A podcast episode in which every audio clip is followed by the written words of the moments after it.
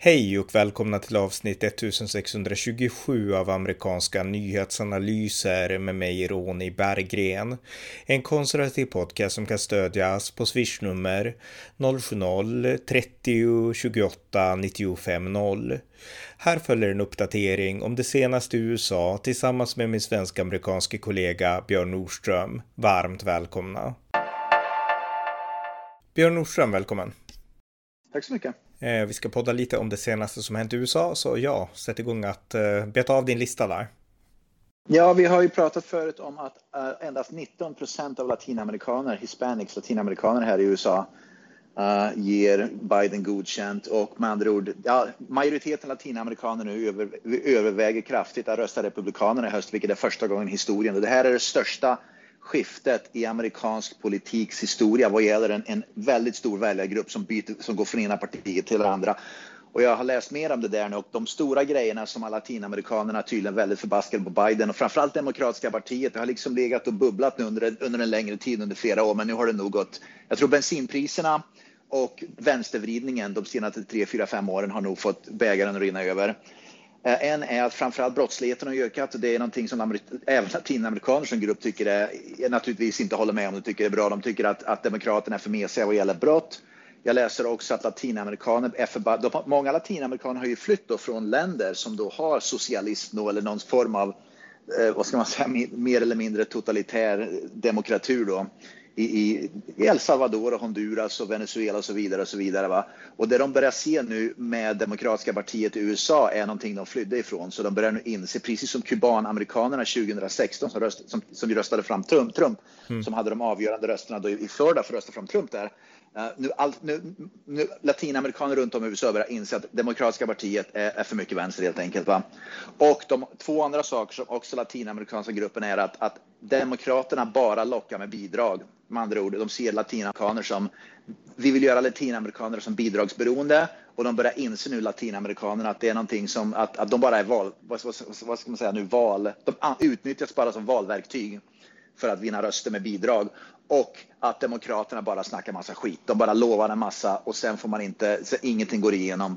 Och en sak som allt fler latinamerikaner här i, och det ser man också i Arizona, det är väldigt, det är faktiskt ganska hög entreprenörskap bland latinamerikaner i USA, framförallt då i sydvästra delstaterna. Är många. Det är många latinamerikaner som vill driva företag och de börjar nu inse på riktigt allvar att republikanerna är de företagsvänliga, inte demokraterna. Mm. Så att man börjar inse att om jag ska driva ett företag, jag, jag, kommer till USA som migrant, om det är på flykt eller om det är som familj, vad det nu är. Jag vill driva ett företag. Demokraterna gör det mycket svårare för mig att driva ett företag i USA. Republikanerna är de som är företagsvänliga.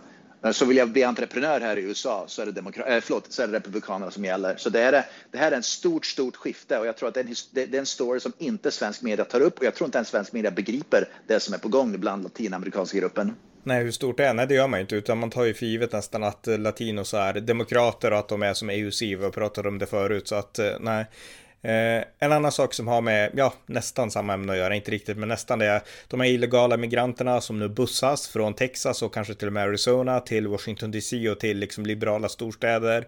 Ja. Nu har Washington DCs borgmästare, en svart kvinna som heter eh, Muriel Bowser, och hon har bett om nationalgardets hjälp för att hantera den här massiva invandringen då till Washington DC. Och hon är för sån här öppen invandring ska sägas, men nu får hon ju liksom problemen om halsen. Ja, precis. Det är, det, det, det hela poängen då med, med det som eh, guvernören för Texas, Greg Abbott, och guvernören här för Arizona, Doug Ducey, det är det de vill uppmärksamma. De, om det, ni, som in, ni som bor uppe i Washington och New York och är långt ifrån gränsen, om ni nu vill ha öppen invandring och tycker det är fantastiskt med illegala immigranterna, då kan vi skeppa upp dem till er. Så nu, nu börjar de inse problemen med det där, att det är inte så lätt som man tror. Så precis. Men Bowser, Mayor Bowser då, som är då borgmästare för Washington DC, precis som Eric Adams, gissa vilka de skyller på? Eh, republikanerna. Precis, borgmästarna, äh, förlåt, äh, äh, guvernörerna i, i, i Arizona och Texas. Nu är det ju inte guvernörerna som sköter i, i migrationspolitiken och gränssäkerheten utan det är Joe Biden. Så grundproblemet är ju faktiskt Joe Biden. Mm. Utan, men, men det vågar ju naturligtvis inte då uh, borgmästare Adams för New York City eller borgmästaren då Bowser för, uh, för DC. De vågar ju liksom inte skylla på Biden, för det, Biden är grundproblemet. va. Mm. Uh, Eh, delstaterna Arizona och Texas, det är liksom bara symptomen. De, bara liksom, de måste göra vad de kan för att skydda sina egna delstater ifrån problemet. Va? Mm. Så länge inte Biden något åt. Va? Så att fortfarande så begriper ju inte de borgmästarna vem som ligger bakom problemet. En som inte är rädd för att skylla på Biden, det är Trump. Han höll ett tal i Washington DC. Han var där bara häromdagen i förrgår. Jag har gjort en podd om det. Och han var ju glasklar med att när jag var president, då hade vi en säker gräns. Sen kom Biden och han avslutade murbugget och titta här, nu har vi kaos igen och immigranterna kommer överallt ungefär såklart. Så att han var inte rädd för det direkt. Så att jag menar, om, om Trump gör comeback, då kommer det återigen att bero på invandringen som demokraterna är helt inkapabla att förstå och hantera. Därför att de är helt förblindade och Trump talade om det också. De tror säkert att de vill väl, men eh, de fattar inte vad de gör. Samtidigt så vill de här som, som menar sig vilja väl, de skulle aldrig vilja ha de här migranterna på sin egen gräsmatta, liksom, sa han. Han har ju helt rätt. Jag visste det. Där.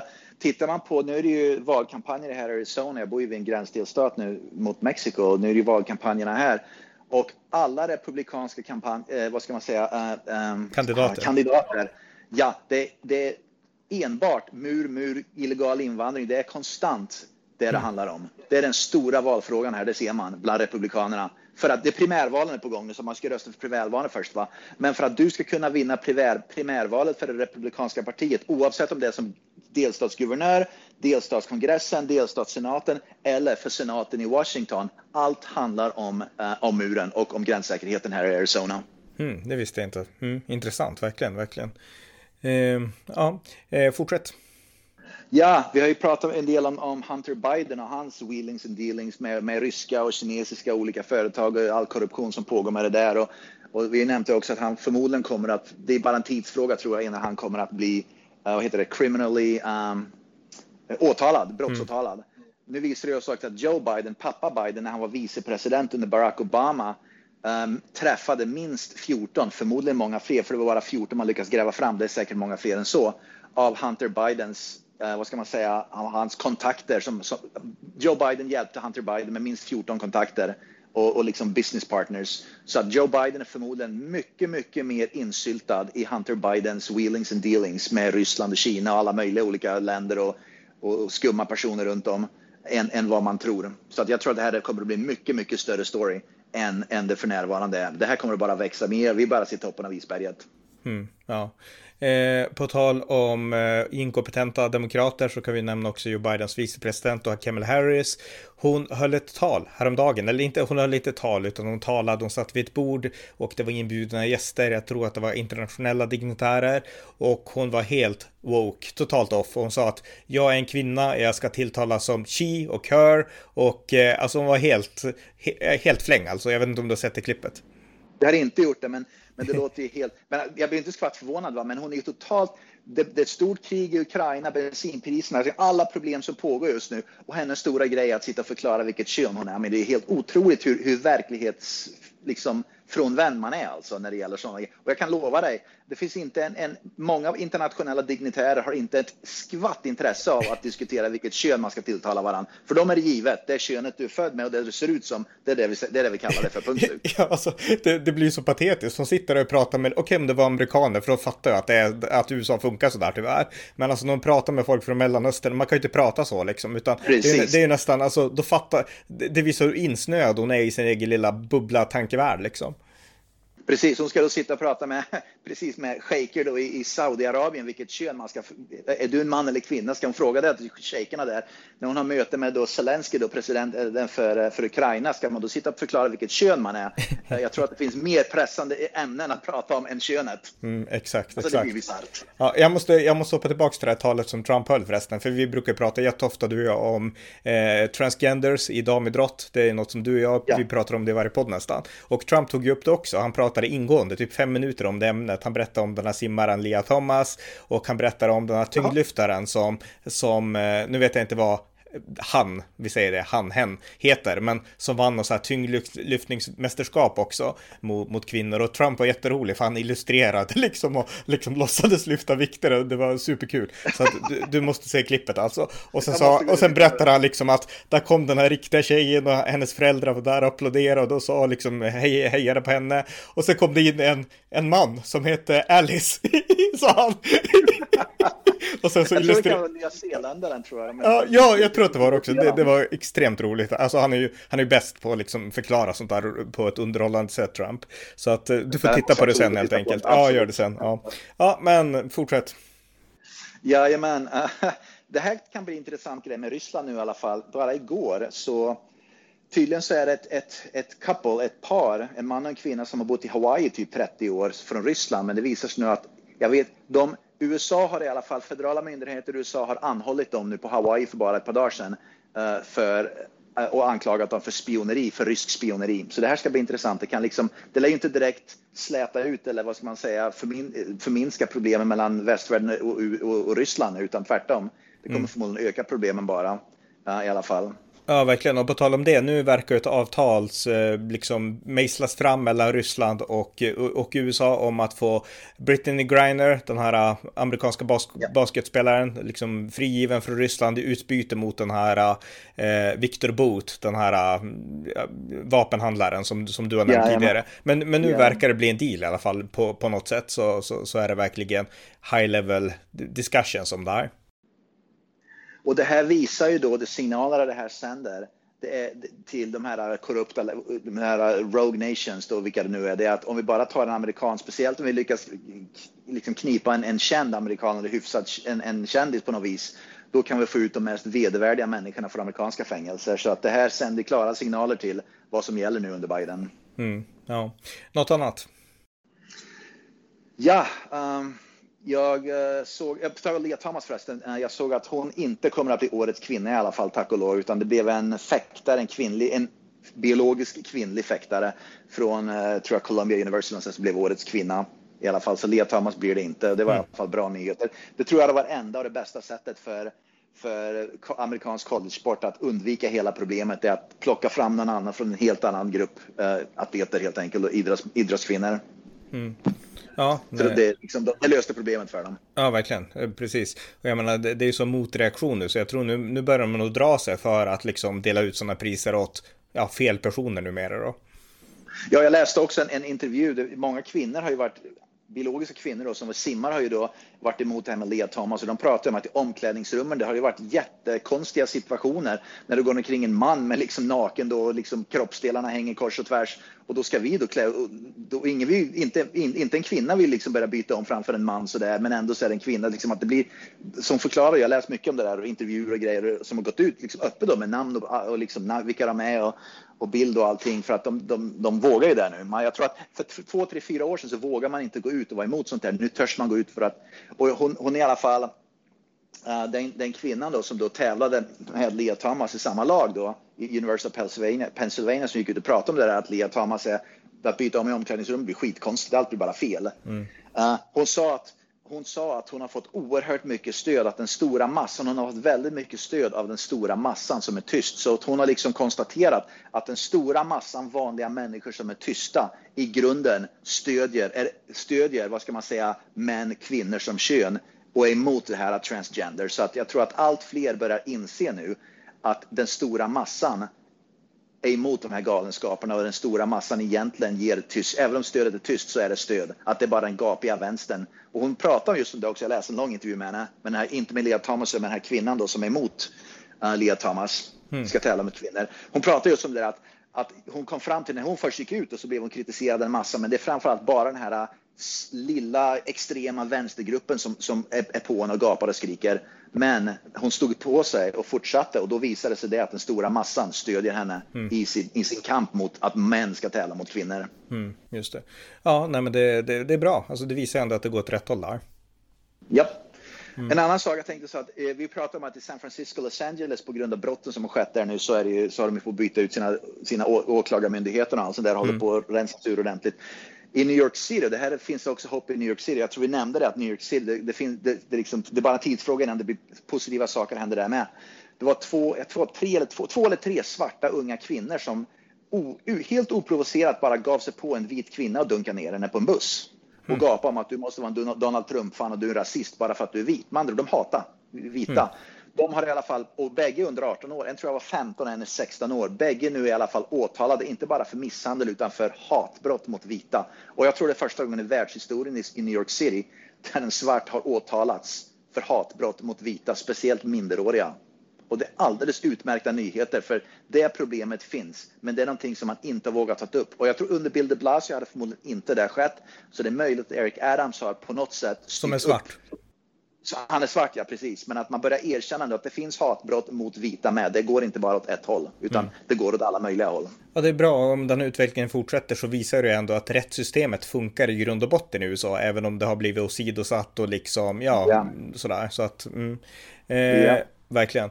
Eh, en sak jag tänkte nämna är att eh, om du minns Benghazi-attacken 2012 Jajamän. när USAs ambassad i Libyen attackerades. Då var det en person som var dömd i amerikansk domstol som hette Ahmed Abu Kattala heter han. Och han dömdes då till 22 års fängelse för att ha varit, liksom, han dömdes inte för att ha varit delaktig i mordet på ambassadör Chris Stevens som var då ambassadören som dog, den amerikanska ambassadören. Men han dömdes på mindre punkter ändå till 22 år för delaktighet. Men han överklagade i alla fall och nu har domen kommit, men den har inte kommit till hans för fördel som man hoppades, utan tvärtom så, så dömer nu domstolen att du var inblandad och det här 22-åriga straffet du fick det alldeles för lågt och du borde hamna i en lägre domstol igen som kan döma rätt till hårdare straff, ungefär så. så att, ja, han beter i sura äpplet där. Ja, ja, verkligen, ja definitivt. Jag menar, det här hade ju bara hänt i USA, i Sverige hade det aldrig gått åt det här hållet, så att ja, det, det, det är coolt med USA, att, att man kan liksom... Det, det, jag hade inte hört talas om det där, men, men jag tror jag läst någonstans lite grann det där, men det är otroligt intressant i alla fall. Och USAs rättssystem funkar på ett annorlunda sätt. Om man överklagar så kan man faktiskt, det göra lite som att man gamblar med andra ord, att man kanske vinner, men man kan ju också förlora. Då tittar en domstol på brott precis som straffet stämmer. Så då, domstolen kan faktiskt gå tillbaka och göra så. Därför att du, om du utmanar domstolen så har domstolen rätt att gå tillbaka och titta på det och sen omvärdera om det faktiskt gick rätt till. Men det kan också gå till din nackdel om de omvärderar det hela. Och det, mm tack och lov så gjorde det det. Ja, ja verkligen, verkligen, verkligen. Eh, precis, något annat? En sheriff i delstaten Idaho har gått ut öppet nu och kallar Joe Biden för idiot. Han är en idiot. Därför att drogerna, vi pratar inte bara människor som kommer in från illegalt och över Mexikogränsen, det är ju vapen och det är ju oerhörda mängder droger. Så har det ju alltid varit, men under Biden så har det där utökat. Så han pratar i alla fall om att när Joe Biden har i princip struntat i gränserna så flödar ju drogerna mycket mer än någonsin. Och människor använder droger mycket mer än någonsin så det blir mycket mer problem med droger vad gäller till exempel överdoser, vilket överbelastar sjukhus och överbelastar polismyndigheten och så vidare. Och så vidare va? Så inte bara att det, är, att, att det liksom är illegala immigranter som bussar runt nu till Washington och New York och överallt och kors och tvärs utan det är även drogproblem så att Biden har ju tappat total kontroll på gränsen. Va? Så att det liksom påverkar alla delar av samhället, precis som invandring till Sverige påverkar alla delar av samhället negativt så är det precis samma här i USA. det här, eh, att, han, att Biden struntar i gränsen. Det har negativa konsekvenser överallt i samhället nu. Mm. Ja, det, det, är intressant. Eh, på tal om den illegala invandring till USA så eh, läser jag på Fox News att eh, det finns ju en motsatt invandring eller åtminstone turistinvandring till Mexiko från USA och då framförallt från Kalifornien. Och ja, det finns 1,6 eh, miljoner amerikaner bor i Mexiko. Det är ändå ganska många. Och i Mexico City så börjar man nu bli less på amerikaner och många säger liksom att de är en plåga och de pratar inte liksom spanska. Och eh, ja, man börjar bli trött och känna nästan xenofobi mot amerikaner i Mexico City. Och jag menar, det här är ju rätt ironiskt alltså. Jag menar, USA tar emot inte bara tus- alltså miljoner liksom illegala immigranter från Mexiko och Latinamerika. Så jag menar, men intressant att liksom the, rever the reverse, i, liksom, där blir de less på amerikaner. Precis, och det intressanta här är också det det, okay, det, verkar vara okej okay för Mexiko och för mexikanare att säga vi är trötta på amerikaner och då vi vill inte ha dem här. Om amerikaner går ut och säger samma sak, vi är trötta på mexikanare, vi vill inte ha dem här, då blir man ju rasistförklarad omedelbart. Mm. Så Mexika, Mexiko får man göra så, men inte USA. Då får man liksom inte säga någonting negativt om mexikaner som bara dräller in. Exakt, den här dubbla måttstocken av liksom besynnerligt kulturellt självförakt. Precis. Eh, och, och, jag, mm. jag, har inte sett någon i vänstern, det finns ju inga i vänstern då som, som gapar och skriker om att vi måste ta emot alla, liksom släppa in alla illegalt. Jag ser inga i vänstern nu som, som läxar upp mexikanare och, och Mexiko om att ni får sluta kalla våra amerikanare för att, för, för parasiter och allt sånt där som kommer bara hit och, och liksom inte duger till någonting. Så att jag ser, ingen, jag ser inga, ingenting från vänsterhåll här i USA eller från Demokraterna eller från media, vänsterliberal media som kritiserar mexikanerna i Mexiko för att göra de uttalanden om amerikanerna där. Nej, för de handlar öppna gränser om att gränsen ska vara öppen åt bara åt ett håll, inte åt båda. Liksom. Precis, absolut. ja, något mer? Ja, så University of Washington i alla fall nu, vilket är ett extremt vänsterliberalt universitet, de hade en omröstning, du vet det här med DI, DEI, mm. Diversity, Equity and Inclusion. Universitetet ville att för att man ska bli vad säger, promotad, få en promotion på University of Washington som fakultet, som, som professor, lärare, så måste man ställa upp på vissa saker då inom det, på, på det här diversity, equity, man, man måste ställa upp på woke-rörelsen och vänsterrörelsen. Men de fick inte tillräckligt många röster bland fakulteten för att kunna genomföra den Eh, regeländringen på universitetet. Så att de fick inte tillräckligt mycket fakultet med sig för att, för att kunna göra en regel som säger att för att bli promotad så måste man bli en woke. Tack och lov. Och det var, det var väldigt förvånande faktiskt. Jag hade trott att de skulle, gå, att de skulle få igenom det i Washington, men det fick de inte. Så även i vänsterliberala Washington på ett vänsterliberalt universitet så blev det, så blev det nedslagen på det. Så att det är alldeles utmärkta nyheter. Och jag nämnde det förra veckan, att, för några dagar sedan, att en professor, professor på UCLA i Los Angeles uh, var, uh, han sa upp sig på grund av det här med woke. Men det verkar i alla fall allt fler, även professorer, föräldrar som har bar, sina barn på universiteten då, allt fler människor börjar bli upprörda över de här galenskaperna. Så att eh, vi ser se en vändning även på universiteten. Vändningen kanske sker långsamt, men den kommer. Ingen ja. snack om det. Nej, det, det är fantastiskt, verkligen. Eh, har du något mer? Ja, Ted Cruz. Uh, jag hade inte sett det här, men jag är inte skvatt förvånad. Vi pratar om sånt här, men han i alla fall eh, jag vet inte vad han som tog videon, men han har i alla fall släppt ut en video nyligen som visar hur eh, det, det sker bokstavligen slavhandel vid Mexikogränsen nu bland illegala invandrare. Så Ted Cruz släppte en video där, där det visar bokstavligen när människor eh, handlar. Det, liksom, det, det pågår slavhandel vid Mexikogränsen under Joe Biden. Mm. Inte ett skvatt förvånande, men att tack och lov så börjar det komma saker som, det, det går inte att dölja längre. Biden kan säga vad han vill, det går inte att dölja. Det liksom sker människohandel, slavhandel, allt möjligt sånt där. Um, och, och, jag tror också att det har, det, nu har jag inte läst det, men, men eftersom det handlar om latinamerikaner naturligtvis framför allt, så tror jag att den latinamerikanska diasporan här i USA, det är ytterligare en anledning till att de är trötta på Demokraterna, utan de vill, de vill inte se sina egna landsmän bli liksom bli offer för slavhandel vid Mexikogränsen helt enkelt. Nej. Eh, bra att du nämnde det. Alltså jag har läst om den här videon, men jag har inte, jag har inte sett den. Men nu, nu vart jag påmint. Så att, och jag tror att Trump tog upp det också, alltså att de här kartellerna, det, alltså i den här handeln, att det är otroligt grymt, det är tortyr och ja, alltså Bidens ja. politik leder inte bara till att amerikaner drabbas, utan även de som flyr drabbas, liksom betonade Trump. Och det, den poängen är också viktig att hamra in liksom. Ja, men visst är det det. Ja.